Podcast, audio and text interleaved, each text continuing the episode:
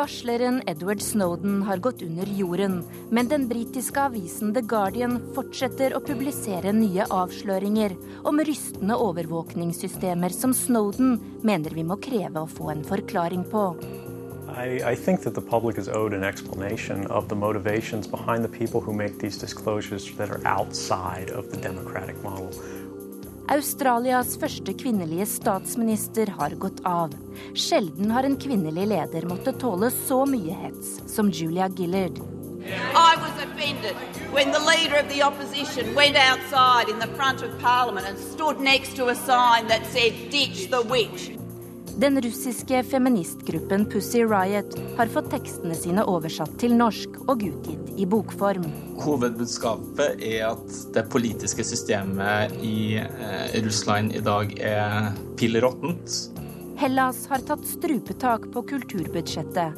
Likevel får hovedstaden ny opera og nytt nasjonalbibliotek til over fire milliarder kroner. What you see over there in the middle is the the stage, the opera stage, which goes 15 meters down. On the other side over there is the library. Og i Berlin har et gammelt spøkelse fått folk til å gå mann av huset.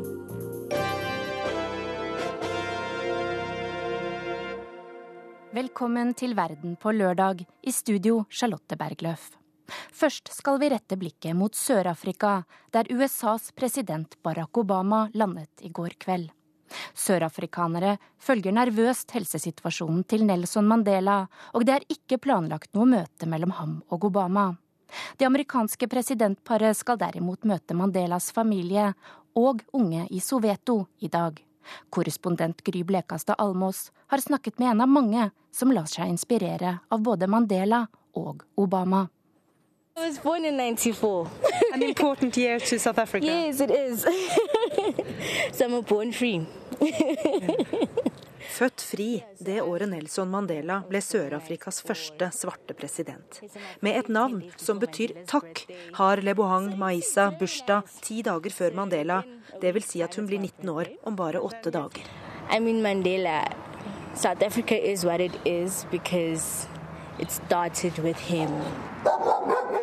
Vi møter den takknemlige i et velstående boligområde utenfor Johannesburg. Hunder sørger for å holde uvedkommende unna eiendommene. Sikkerheten er høy her, som i de fleste slike boligområder. Høye gjerder med piggtråd på toppen. Store jernporter, kameraer og advarsler om at de som prøver seg, blir møtt med våpen. For kriminaliteten er høy i et Sør-Afrika med store sosiale problemer.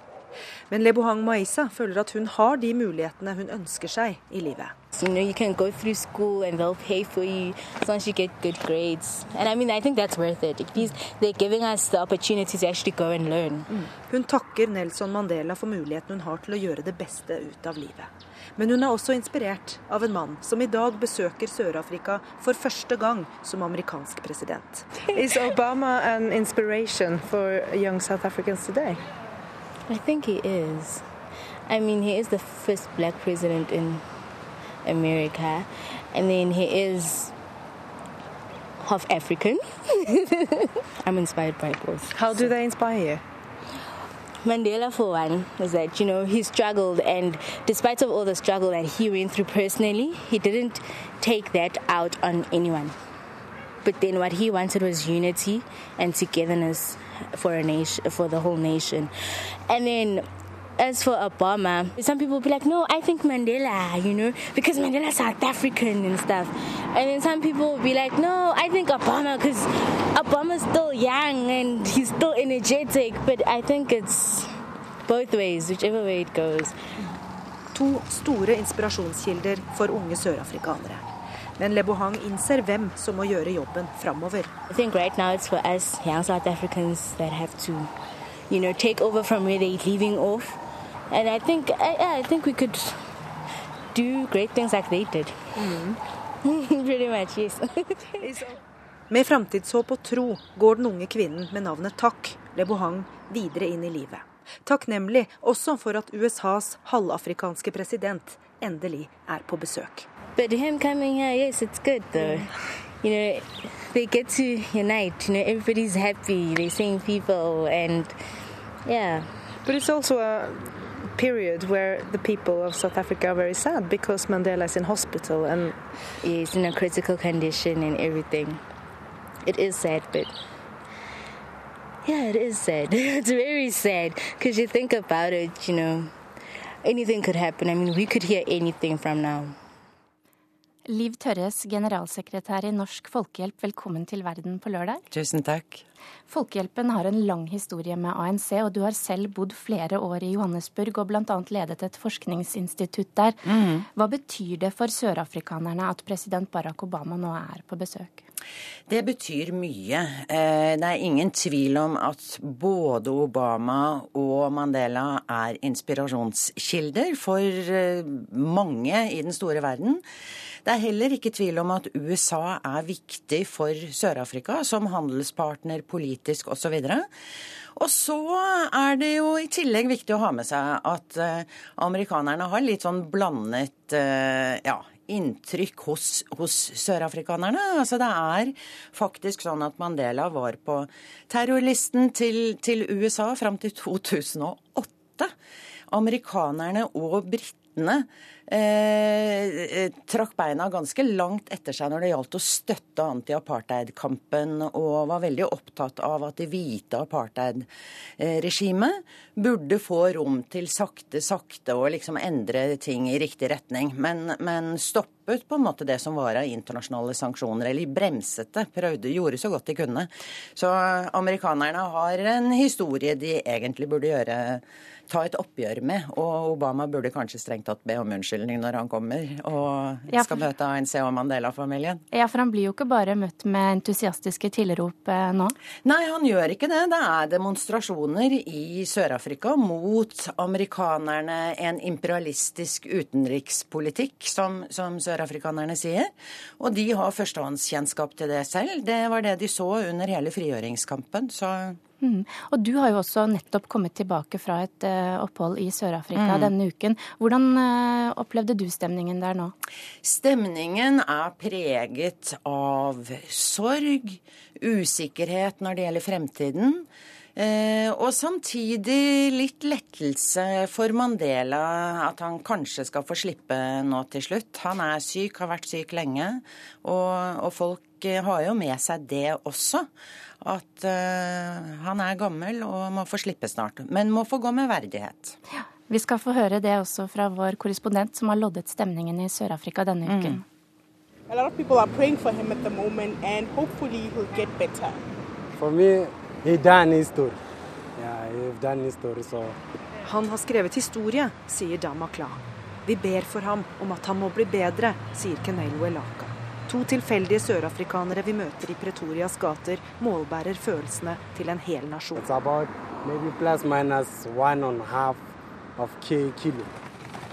Dama beskriver den enorme vogna han drar på, full av tomflasker han har plukket på veien. Takket være Nelson Mandela kan han dra denne vogna hvor han vil. Freedom. Maybe we enjoy it. I can push this trolley inside of the white people's place. Then before 1994, people have been fighting. You see. Han har mye å takke Mandela for. Det samme har Kanelwe og Sør-Afrikas kommende generasjoner, mener hun. A lot of people has been inspired by him. So a lot of people, probably the youth, will want to be like Mandela or will want to pursue what Mandela pursued as well.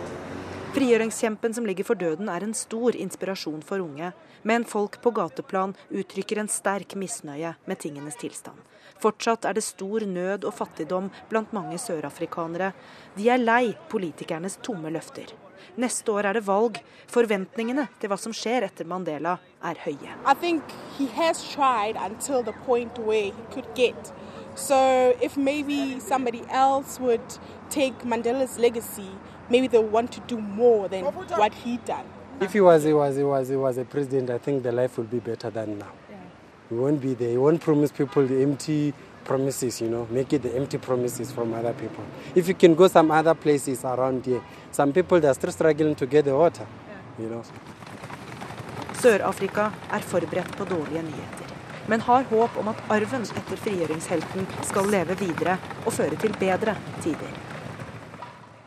Ja, Liv Tørres, Mandela har skrevet historie, men hva blir arven etter Mandela, og hvordan tror du den vil forvaltes? Arven etter Mandela er nok at kamp for demokrati nytter. Eh, han framstår som en mann som, som, eh, for hele verden som kjempet for demokratiske idealer, verdier, helt til siste slutt. Altså, på samme måte som han kjempet mot apartheid for demokrati, så var han også den kritiske røsten internt i ANC og i Sør-Afrika som opprettholdt de samme verdiene de gangene han syntes liksom at ting gikk i feil retning. Og, og det kommer til å stå igjen. Eh, vi ser jo nå en kjærlig familiefar som ligger for døden. Men hvem var Nelson Mandela? Eller er, må vi jo si ennå. Ja, Beklager. Ja, ja. Eh, han er en mann som kommer fra høvdingebakgrunn. Han er jurist. Han startet det første svarte advokatkontoret i Sør-Afrika sammen med Oliver Tambo. Han er et ikon, en helt, men også en veldig varm person. Oppfattet seg selv som representant for folket gjennomgående, og møtte møtte folk også veldig på den måten. Direkte, varm, nær. Men, men det er nok demokraten, tenker jeg, som, som står igjen. Og, og, som bør stå igjen. Det er mange som bør måle seg etter hans størrelse og sko. Eh, ikke minst i Sør-Afrika i disse dager. Tusen takk, Liv Tørres. Det var det vi rakk i denne omgang. Mm, takk.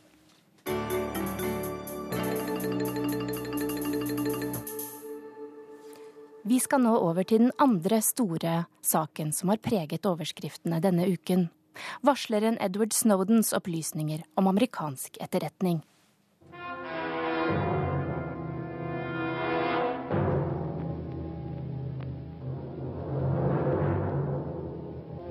This is one man's alarmed vision of the future.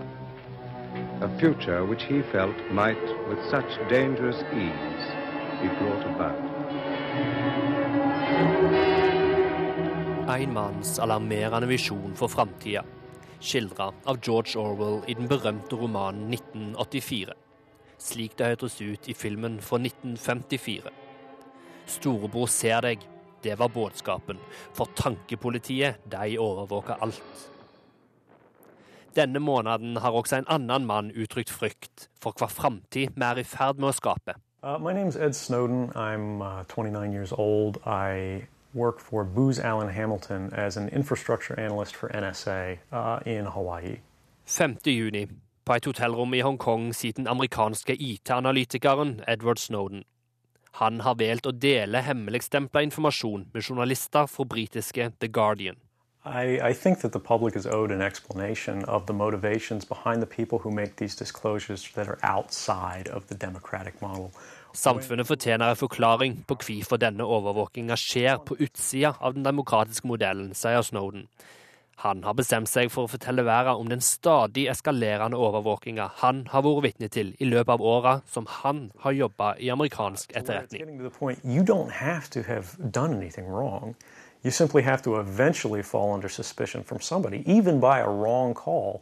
En trenger ikke ha gjort noe gale for å bli overvåka av amerikanske styresmakter, påstår Snowden.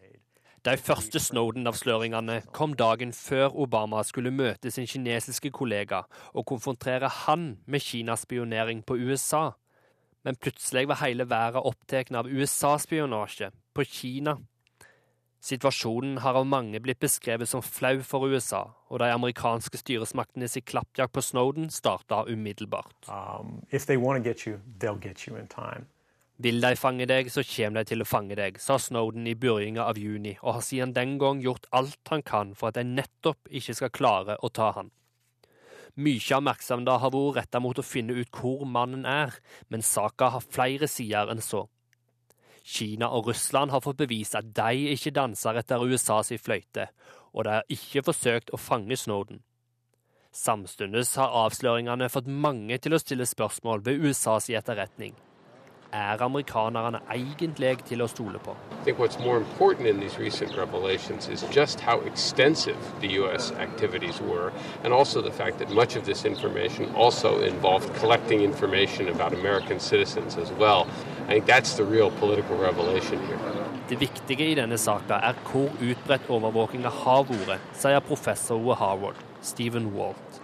Han er kjent for å snakke der andre tier. Han er ikke overraska over at det skjer spionasje fra amerikansk side, men at det er så omfattende som det Snowden avslører, mener Walt er flaut for amerikanerne.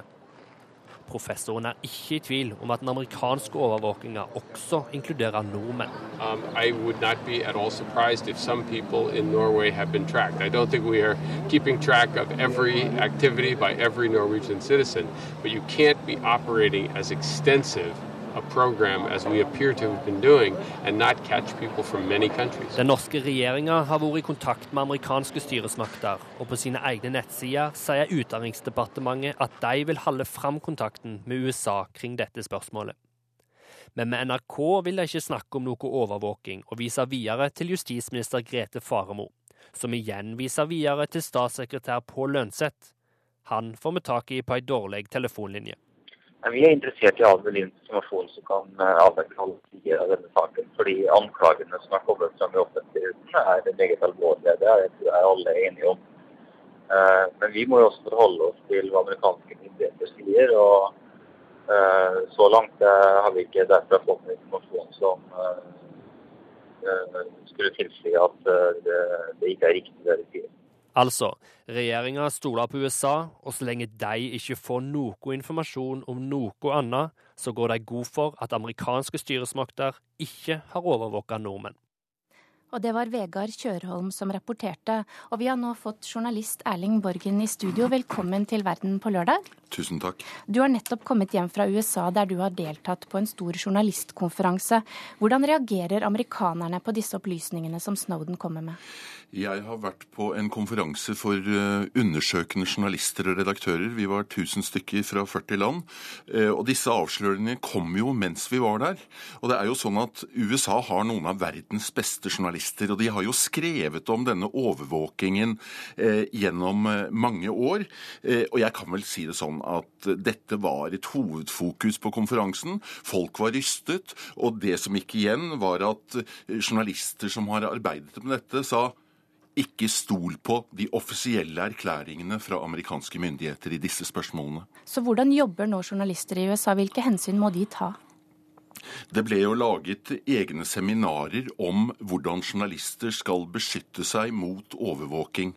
Og eh, jeg møtte den journalisten som kanskje har arbeidet mest med disse spørsmålene, og som avslørte at NSA eh, er i ferd med å sluttføre et stort spionbygg i Utah eh, til en pris av 14 milliarder kroner, 80 000 kvadratmeter. Og han sa at når jeg jobber med slike spørsmål, møter jeg bare folk ansikt til ansikt. Jeg snakker ikke med dem på mobiltelefonen, og jeg sender ikke e-mailer. Hvilke følger har det for journalistikken at man nå må ta slike hensyn? Nei, Det som eh, gikk igjen eh, når vi snakket om dette, var at eh, kildenettet for undersøkende journalistikk er i ferd med å tørke fullstendig igjen. Fordi Én ting er denne overvåkingsskandalen som nå er avdekket. En annen ting er at Obama i journalistkretser nå blir stemplet som den president som har angrepet eh, ytringsfriheten gjennom å bruke spionparagraf både mot journalister eh, og mot varslere. Og det gjør at folk som tidligere har lekket, fordi vi journalister er jo avhengige av kilder, de er nå livredde for å lekke og fortelle om noe som helst av frykt for å bli rammet av, eh, av rettsapparatet. Men USA de sier jo at folk har ikke noe å frykte. Det sa de også i gamle eh, Øst-Tyskland. Eh, men jeg kan vel nevne det sånn at Associated Press er eh, kanskje verdens største medieorganisasjon. Eh, det er ikke lenge siden at Justisdepartementet samlet inn opplysninger om telefonsamtaler og kilder til 20 journalister der. De har samtidig gått løs på, på Fox, og, har, og, Obama har stilt flere varslere for retten basert på spionparagrafen enn alle andre amerikanske presidenter til sammen. Slik at Aps sjefsredaktør på denne konferansen sa at normal journalistisk aktivitet blir nå kriminalisert, og det vil vi ha oss frabedt. Etter at Ap ble gjennomsøkt og man lette etter kildene der, så skrev 50 medieorganisasjoner et brev til Obama og sa du truer ytringsfriheten. Tusen takk, Erling Bergen. Vi går videre. Vi holder oss til Snowden-saken, men vi skal nå til Cuba, som er et av landene som har vært nevnt som kan være aktuelle når Edward Snowden reiser videre. Men vi skal høre at kommuniststaten ikke lenger er en trygg havn for amerikanere på flukt. Det er fordi Cuba ønsker å forbedre forbindelsene med USA, sier Mariella Castro til NRK.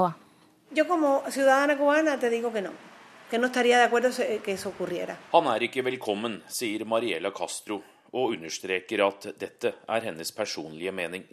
Myndighetene her på Cuba har ikke sagt noe offentlig om den ettersøkte amerikanske tysteren Edward Snowden, men presidentens datter ser ikke på ham som et mulig forhandlingskort.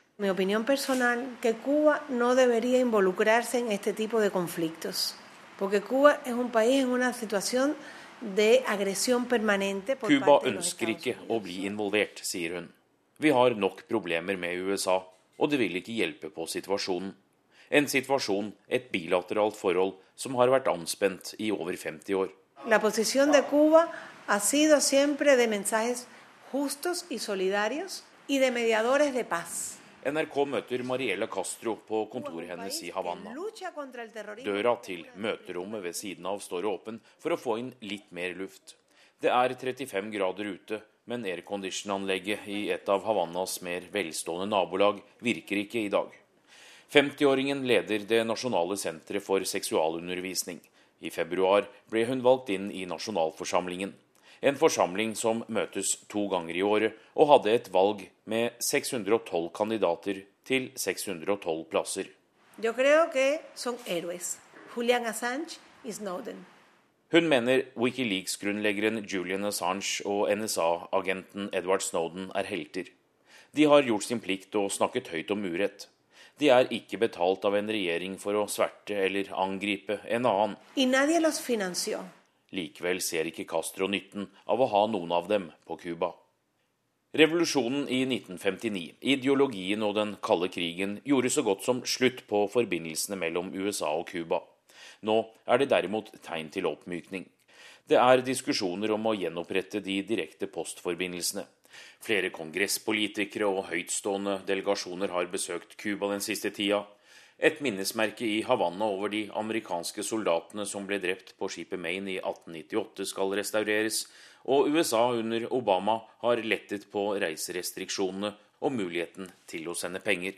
Las relaciones son, hay menos tensión entre los Estados Unidos en Cuba, eh, aunque no estamos exentos. Cubanerne ønsker mer dialog og samarbeid med USA. Forholdet er ikke så anstrengt lenger, er Roberto Veigas vurdering. Han er redaktør for Espacio Laical, et av de få tidsskriftene på Cuba med samfunnsdebatt som ikke redigeres av staten, men den katolske kirken sin una normalidad en las relaciones entre Estados Unidos y Cuba, sería más difícil lograr la armonía y el progreso debido dentro del país. Det vil være vanskelig å få til framskritt på Cuba og en varig samstemthet uten hjelp fra USA, sier Veiga.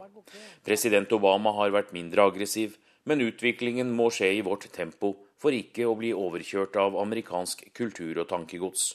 Yo no sé en qué momento se darán pasos Her i Havanna viser gatebildet nå små private næringer.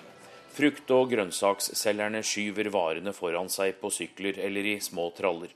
Det er en oppblomstring av paladarer, private restauranter, gjerne med terrasser, og de gamle 50-talls amerikanske bilene er reparert og ruller igjen som et lite kollektivalternativ til de dyre statskontrollerte drosjene eller overfylte bussene. President Raúl Castro løsner på grepet og er i gang med å fjerne én million statsansatte i et forsøk på å få en skakkjørt statsøkonomi på rett kjøl. Han har også dempet den antiamerikanske retorikken som broren Fidel og Venezuelas Hugo Chávez hadde. Etter flere tiår med politisk konfrontasjon ønsker Cuba en normalisering med USA. Myndighetene her faller ikke for fristelsen til å irritere unødig med Snowden-saken, mener Espacio Laicals redaktør Roberto Veiga. No conozco la posición del gobierno cubano, pero no imagino que tome parte en el problema. Anders Tvegård rapporterte fra Havanna. Også ukens kommentar ved Joar Ho Larsen tar for seg amerikansk etterretning, som ikke er fullt så hemmelig og usynlig lenger. NSA ligger lett synlig på veien mellom Washington DC og Baltimore. I Langley i Virginia er CIAs hovedkvarter tydelig avmerket med avkjøring til George Bush Center for Intelligence, som det offisielt heter.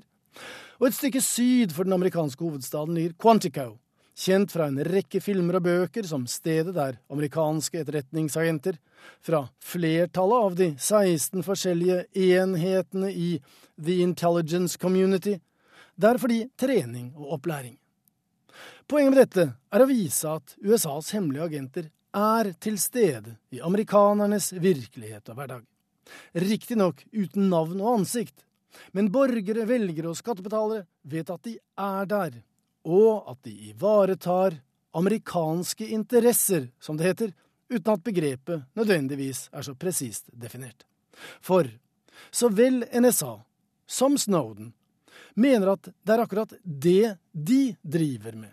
De gjør USA til et tryggere land å bo i, som de gjerne formulerer det. Snowden med å fortelle om utstrakt avlytting og overvåkning av private, langt utover det han mener er demokratisk forsvarlig, lovlig og kjent. NSA derimot mener at denne unge mannen, som har satt seg over presidenten og de folkevalgte, har gjort enorm skade denne egoisten har satt rikets sikkerhet i fare og ødelagt et utrolig effektivt program som har forhindret minst 50 terroraksjoner og reddet dertil antall menneskeliv. Det ligger i sakens natur at denne type overvåking fort kan ramme fremmede makter, og Snowden har fortalt om virksomhet der han ikke lenger bare er en varsler, men i myndighetenes øyne i hvert fall også blir en overløper og en landsforræder. For i den såkalte åpenhetens navn har han, ifølge det offisielle USA, løpt fremmede makters ærend. Han har fortalt om hacking av kinesiske databaser, og det er sannsynlig at russerne på dette punkt har lagt sammen to og to. USA har lenge spilt rollen som internettets moralske beskytter. Når de nå tas med de digitale buksene nede, er det kanskje ikke så underlig at verken kinesere eller russere føler behov for å hjelpe amerikanerne ut av en krise skapt av dem selv. Der USA forsøker å fremstå som offer etter at en utro tjener har brutt sitt taushetsløfte, nyter Moskva og Beijing situasjonen ved ikke å gjøre noe som helst. Mens det demrer for resten av verden at Edward Snowden er et ektefødt barn av USAs egen og utbredte etterretningskultur, bare nå i en digital og virtuell tidsalder. Snowdens flukt til Hongkong og hans mellomlanding i Moskva bidro til å gi krisen en akutt storpolitisk dimensjon. Obama har ikke kontaktet presidentene Xi eller Putin, da han ikke vil gi Snowden denne ultimate triumfen. Obama vil ikke at en hacker skal sette dagsorden for verdens mektigste menn, selv om det er akkurat det Snowden har gjort. Obama antydet at det finnes etablerte bakkanaler for den slags kontakt i denne type kriser, og nevnte at selv uten utleveringsavtaler så er alle land medlemmer av det samme fellesskapet, og at alle land bør ta ansvar og overholde internasjonal lov. Dumt i grunnen at amerikanerne ikke tenkte på det før. Det blir som å påpeke bjelken i andres øyne før man feier for egen dør.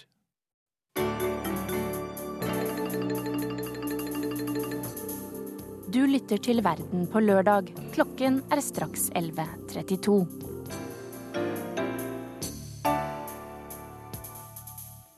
Denne uken gikk Australias første kvinnelige statsminister av, da det australske Arbeiderpartiet skiftet leder i håp om å vinne valget til høsten. Julia Gillard satt i nøyaktig tre år med makten.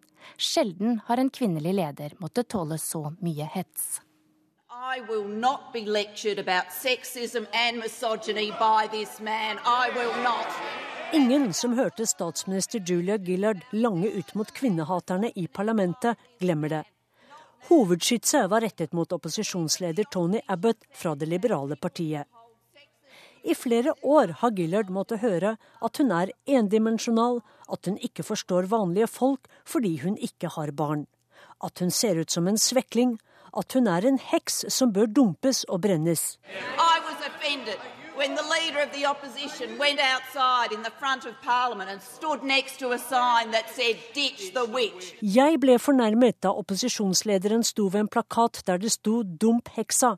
I was also very offended on behalf of the women of Australia. Jeg ble opprørt på vegne av alle kvinner da opposisjonslederen brukte uttrykket 'Det australske kvinner må forstå mens de står ved strykebrettet', er I was offended too by the sexism, by the misogyny of the leader of the opposition, Jeg ble opprørt av kvinnehaterne og av opposisjonslederens nedlatenhet da han sa til meg om statsministeren bare vil opptre som en hederlig kvinne.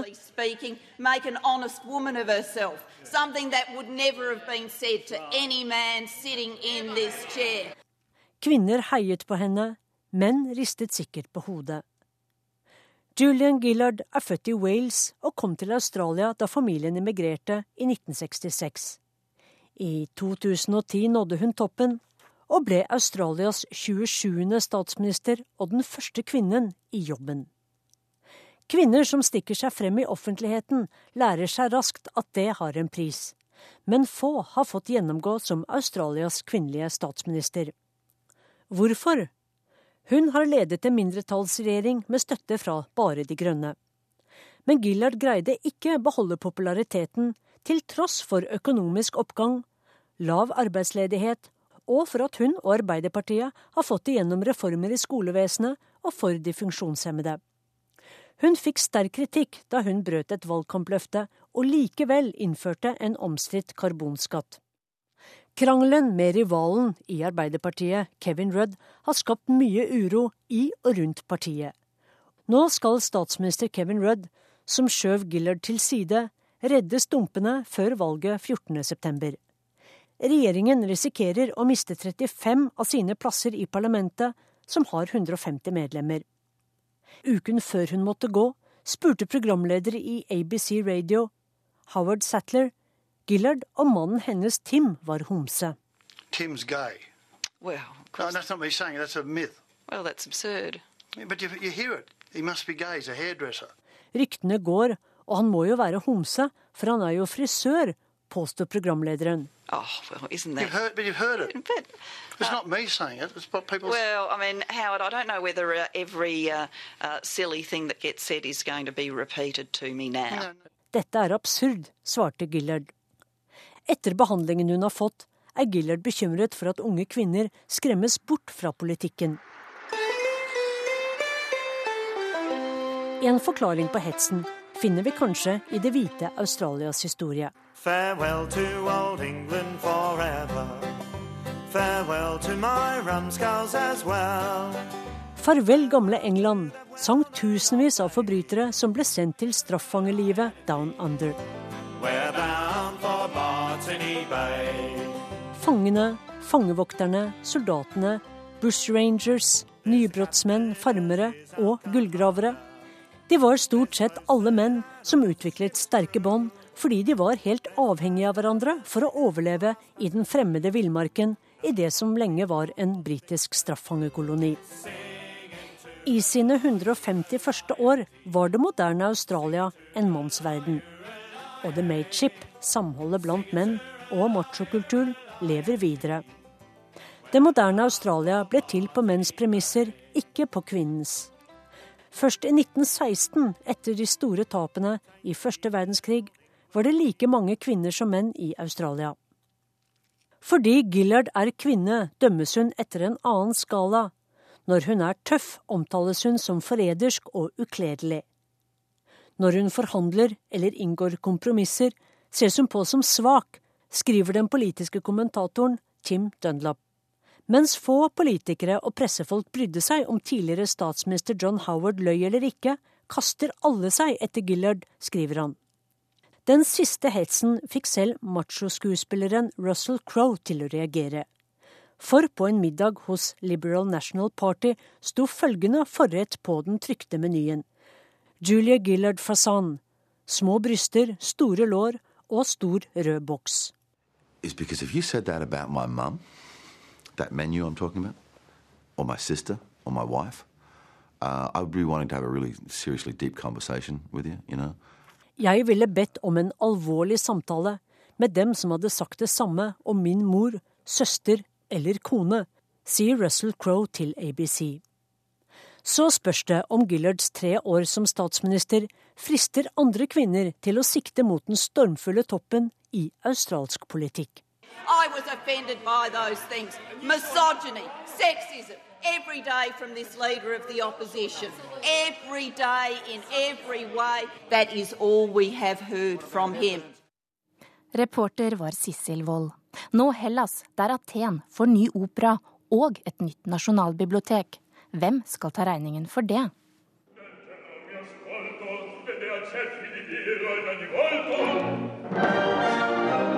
Hvilken lyd forbinder du mest med Hellas de siste årene? Den du hører nå? Eller denne? Etter flere år med krise har den greske staten kuttet kulturbudsjettet med nær 40% Og offentlige institusjoner ligger nede med brukken rygg. Men noen vil ha det annerledes.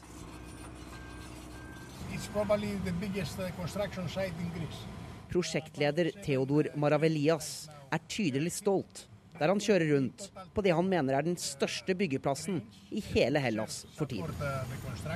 Det er ennå lite som avslører hva armeringsjern og fundamenter på den 240 000 kvadratmeter store byggeplassen sør for sentrum av Aten til slutt skal bli. Men om tre år skal alt stå klart. Og lyden av gravemaskiner og sveiseapparater byttes ut med noe helt annet.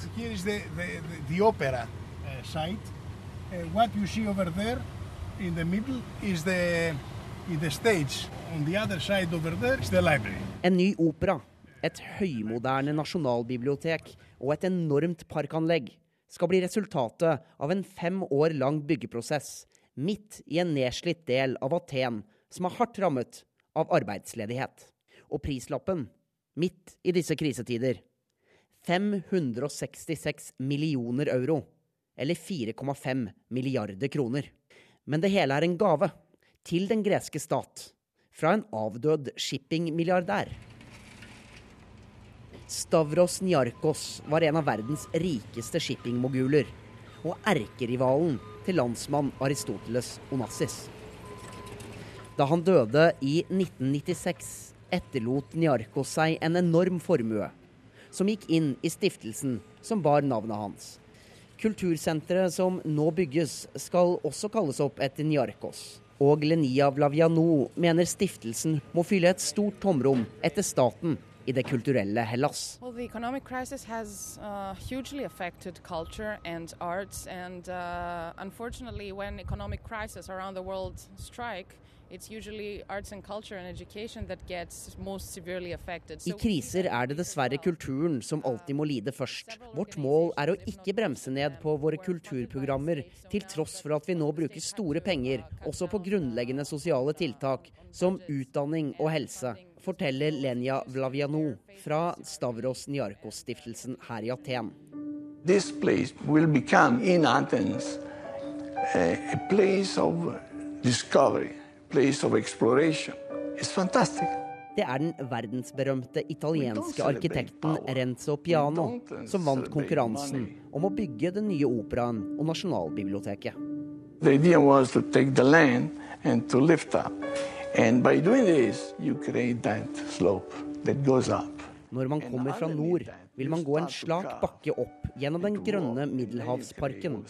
Og plutselig står man på taket av operaen, med utsikt mot havet i syd og Akropolis i nord. Discovery, exploration, Ulysses, and on the other side you discover the city. Renzo Piano er mannen bak bl.a. Pompidou-senteret i Paris, og ikke minst det flunkende nye Astrup Fearnley-museet på Tjuvholmen i Oslo. Og selv om eh, hun ikke vil uttale seg på vegne av mesterarkitekten Piano, avslører Lenia Vlavianou fra Stavros Niarkos-stiftelsen at ønsket om å få et kulturbygg der folk uhindret kan gå rett opp på taket for å nyte utsikten, ikke var tilfeldig. Oh, definitely. We have gotten lots of inspiration for, from the, the Oslo Opera House. Uh, members of our team have actually visited the Opera House and uh, discussed about it with the people running it as a best practice. For oss er operan i Oslo et eksempel på hvordan dette kan gjøres på best mulig måte, sier Vlaviano, og forteller at de flere ganger har besøkt den norske hovedstaden for å lære av våre erfaringer. Yes, exactly. Når bygget overleveres i 2016, vil Stavros Niarkos-stiftelsen trekke seg tilbake og overlate driften til den greske staten. En stat som på avisforsider og TV-sendinger verden over de siste årene har blitt omtalt som lite annet enn gjennomkorrupt og elendig drevet. Men Lenia Vlaviano er ikke bekymret for hva som vil skje når nøkkelen overrekkes og senteret skal tas i bruk. Grant, the, the And it could not have come in a more critical um, timing for our country. Dette er en investering i framtiden, i landets ungdom. Vi har satt klare krav i kontraktene som har blitt inngått med staten, som forutsetning for gaven. Og vi har ingen tvil om at staten skal leve opp til disse forpliktelsene, sier Blaviano. When you are walking up in the park, 20 år etter sin død vil Stavros Niarkos kultursenter, ifølge arkitekten Renzo Piano, kunne gi Aten den ekstra magien byen trenger for å komme tilbake som en av verdens virkelige kulturhovedsteder.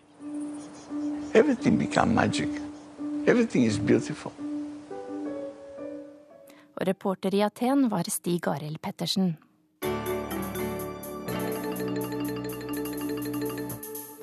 Den russiske punkgruppen Pussy Riot har fått tekstene sine oversatt til norsk og utgitt i bokform. Budskapet er at det politiske systemet i Russland råtner på rot.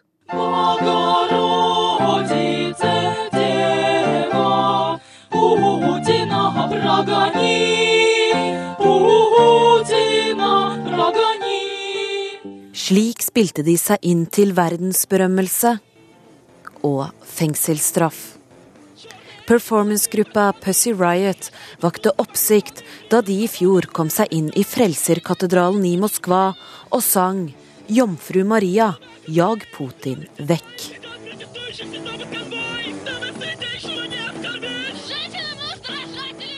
Nå har Russland-forsker Martin Paulsen ved Universitetet i Bergen oversatt gruppas tekster til norsk og utgitt de i boka 'En punkebønn for frihet'. Hovedbudskapet er at det politiske systemet i eh, Russland i dag er pill råttent. Og at for at Russland skal bli et bedre land å leve i, så må man i større grad la individet utvikle seg som individ. Et individ som stiller spørsmålstegn, snarere enn bare akseptere de sannhetene som den politiske ledelsen gir dem. Pussy Riot oppsto høsten 2011. Dannelsen av gruppa var en direkte reaksjon på Putins kunngjøring om at han ville stille til valget som president for tredje gang, uten at folk reagerte. Med fargerike og heldekkende masker opptrådde Pussy Riot på ulike offentlige steder med sanger som 'Putin har pissa på seg' og 'Løslatt brosteinen'. Det handler jo i stor grad om um, de tette koblingene mellom den politiske ledelsen og FSB. Og uh, må leses som en uh, kritikk av regimet, samtidig som det er en slags sånn kampsang, tenker jeg. Altså Det oppfordrer til å gå ut på gata og, og gjøre noe. Da Putin selv ble bedt om å kommentere Pussy Riot på TV-kanalen Russia Today, ville han først ikke svare. Han utfordret istedenfor programlederen til å oversette gruppas navn til russisk.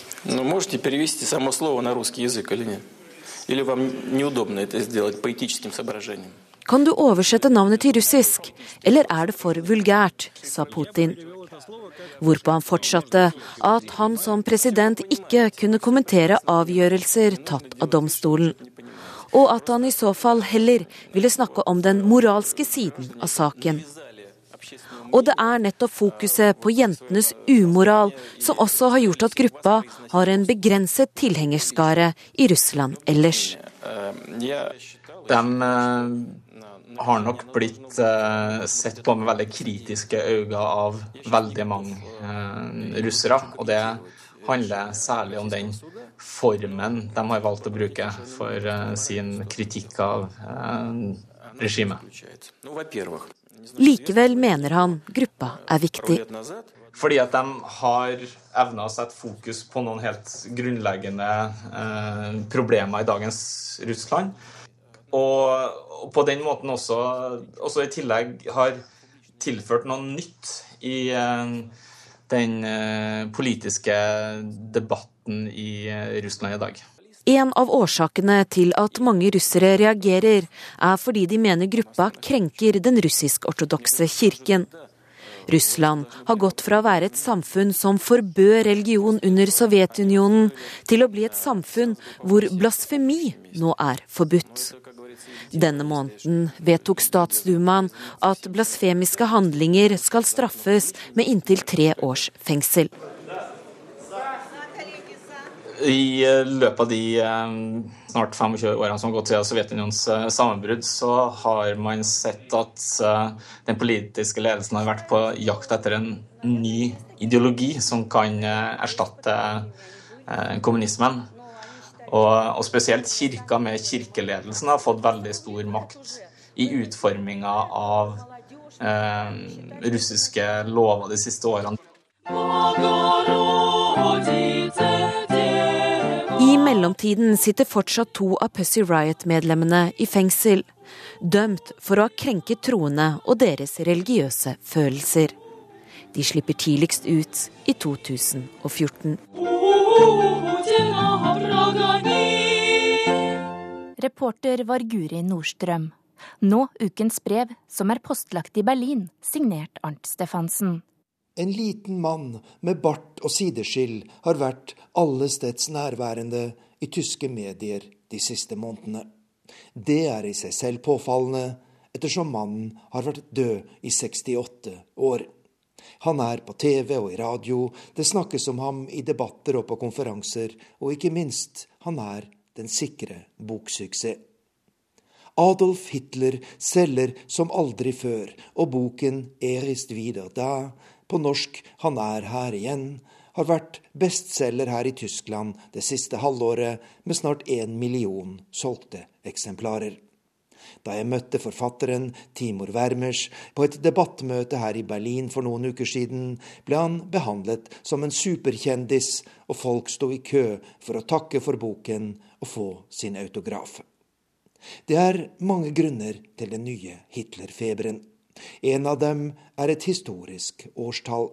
For 80 år siden grep nazistene makten i Tyskland, og det dystre jubileet er blitt markert vidt og bredt, først og fremst her i Berlin, der myndighetene har erklært 2013 som et temaår om nazismen. Det betyr at vi møter, om ikke akkurat Hitler, så i hvert fall temaet nazisme overalt i byen. Vi hadde planer om rundt 100 arrangementer, men tallet er nå oppe i nærmere 500, forteller en talsmann for byen. Og den onde med bart er selvsagt en gullgruve for Berlins turistindustri. Ved siden av muren og dens historie er Hitler-turismen det store. Omvisninger på dystre adresser fra 1930- og 40-årene er et must for mange tilreisende, som Hitlerbunkeren, der diktatoren tok sitt eget liv den 30. april 1945. Det eneste som er å se der, er riktignok en informasjonstavle, men det er godt nok for de fleste. Han er her igjen, heter altså boken som mer enn noe annet har satt Adolf Hitler på den tyske dagsordenen dette året. Mange nordmenn har lest boken de siste ukene og sikkert blitt fascinert av historien om nazilederen som står opp fra de døde og prøver å orientere seg i det moderne Tyskland. Han får kontakt med et TV-selskap som i likhet med alle andre tror han er en genial og sær komiker som parodierer føreren bedre enn alle andre. Og han blir dermed TV- og YouTube-kjendis i rollen som seg selv. Det nye med Timor Wermers bok er selvsagt ikke at han harselerer med Hitler. Det har humorister gjort helt siden Charlie Chaplin laget sin berømte film 'Diktatoren' i 1940. Det nye er at vi ler med Hitler, og ikke bare av ham. Han er ikke bare en latterlig figur med bart. Han er, riktignok uten å vite det, slagferdig og sjarmerende, med treffende observasjoner og betraktninger de aller fleste av oss kjenner oss igjen i. Som når han mener å ha forklaringen på at Tysklands lett beryktede tabloidavis Bild Zeitung kjøpes av så mange. Selvsagt på grunn av at det er så store bokstaver på forsiden, en utmerket idé som ikke engang den ivrige Goebbels greide å klekke ut, mener Hitler. Og vi forstår hans forvirring når han for første gang bruker et TV-apparat med fjernkontroll, og med store forventninger til dette mektige propagandamediet trykker på kanalknappen og ser et matprogram. Jeg kan ikke tro det, en så avansert teknikk blir utviklet og brukt for å presentere en latterlig kokk, sier føreren, før han switcher til neste kanal, der han ser en annen kokk.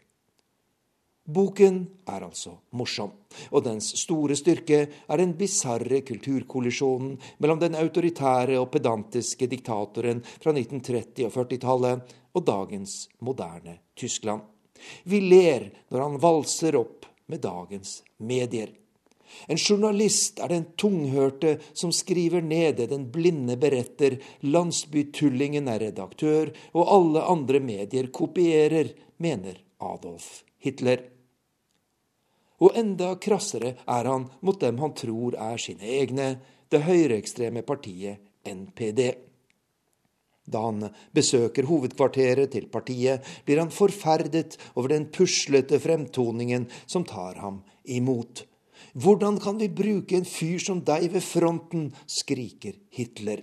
Mitt gamle slagord var rask som en jakthund, seig som lær og hard som stål fra krupp, men du er treig som en snegl, skjør som knoklene til en olding og myk som smør, tordner føreren. I min bok er føreren Adolf Hitler en sosialt smart fyr. Han er flink til å manipulere folk, sjarmerende, slagferdig og god til å sno seg, sier forfatteren Timor Wermers om Hitler-figuren han har skapt. Men er det greit å fremstille en av historiens verste tyranner, mannen som hadde hovedansvaret for folkemordet på seks millioner jøder, på en slik måte, spør jeg. Vel, det kan sikkert diskuteres, sier Timor Wermers. I boken har han jo fortsatt sine gamle, forskrudde meninger. Alle tror han er en skuespiller som spiller en rolle, men i virkeligheten har han de samme målene som tidligere. Og det uhyggelige ved boken er at han evner å forføre tyskerne nok en gang, sier forfatteren Timor Wermers. Er det da riktig å gi ut en slik bok? Og bør vi le med despoten Adolf Hitler? Langt fra alle tyskere er overbevist om det, og flere kommentatorer advarer nå kraftig mot å gjøre naziføreren til en slags harmløs kultfigur. Journalisten Daniel Erk, som har en egen Hitler-blogg i Berlinavisen Tagest Zeitung, har gitt ut en bok med navnet Så mye Hitler har det sjelden vært. Der skriver han denne Hitler-figuren som nå vandrer rundt i alle aviser og fjernsynsprogrammer, er et gjenferd som er fratatt alle de egenskaper som gjør ham farlig. Men er det så farlig? Er det ikke nå veldig lenge siden krigen? Og har ikke tyskerne lenge nok gått botsgang for Hitlers forbrytelser? Spørsmålene er berettiget, men hadde vært enda mer på sin plass dersom det ikke nettopp i disse dager står en iskald, ideologisk overbevist nynazist for retten i München, tiltalt for medvirkning til drap på ni innvandrere og en tysk politikvinne. Adolf Hitlers ideologiske arv dreper fortsatt, 68 år etter hans død. Og det er ikke bare nynazistenes forbrytelser som forferder. For den store tyrkiske befolkningen i Tyskland er det kanskje aller verste at den tyske stat sto maktesløs da deres landsmenn ble tatt av dage, og at flere av ofrenes familier ble mistenkt for drapene. Et annet aktuelt tema er Adolf Hitlers beryktede kampskrift Mein Kampf, som det til nå har vært forbudt å gi ut i Tyskland. Men om et drøyt år utløper rettighetene på boken som delstaten Bayern sitter med, og dermed kan alle som vil, utgi den. Dette bekymrer mange tyskere som frykter et oppsving i høyreekstremisme og fremmedhat. Er det i ferd med å skje noe viktig i Tyskland mens vi ler med Hitler og venter på de første utgavene av Mein Kampf på tysk? Går endringene for fort nå når gjerningsmenn og ofre fra nazismens dager er i ferd med å dø ut. Og hva skjer når tidsvitnene er borte, de som opplevde det ufattelige, og som aldri har latt seg lure av omskrivninger og bortforklaringer, og av dem som påstår de ikke visste? Samtidig er Tysklands bilde i Europa dårligere enn på lenge, i all hovedsak pga. den økonomiske krisa i Sør-Europa. Den liberale storavisen Süddeutsche Zeitung oppsummerer Hitlerfeberen slik i en kommentar. Den maniske fokuseringen på Hitler er farlig fordi vi dermed underslår et viktig faktum.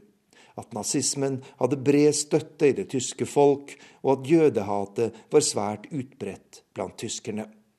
Da er det selvsagt bekvemt å kunne sette fokus på én gal mann, avslutter avisen. Og med det var ukens Verden på lørdag slutt. Teknisk ansvarlig Karl Johan Rimstad, skript Susanne Sunde Bakke, og jeg, Charlotte Bergløff, ønsker en riktig god helg.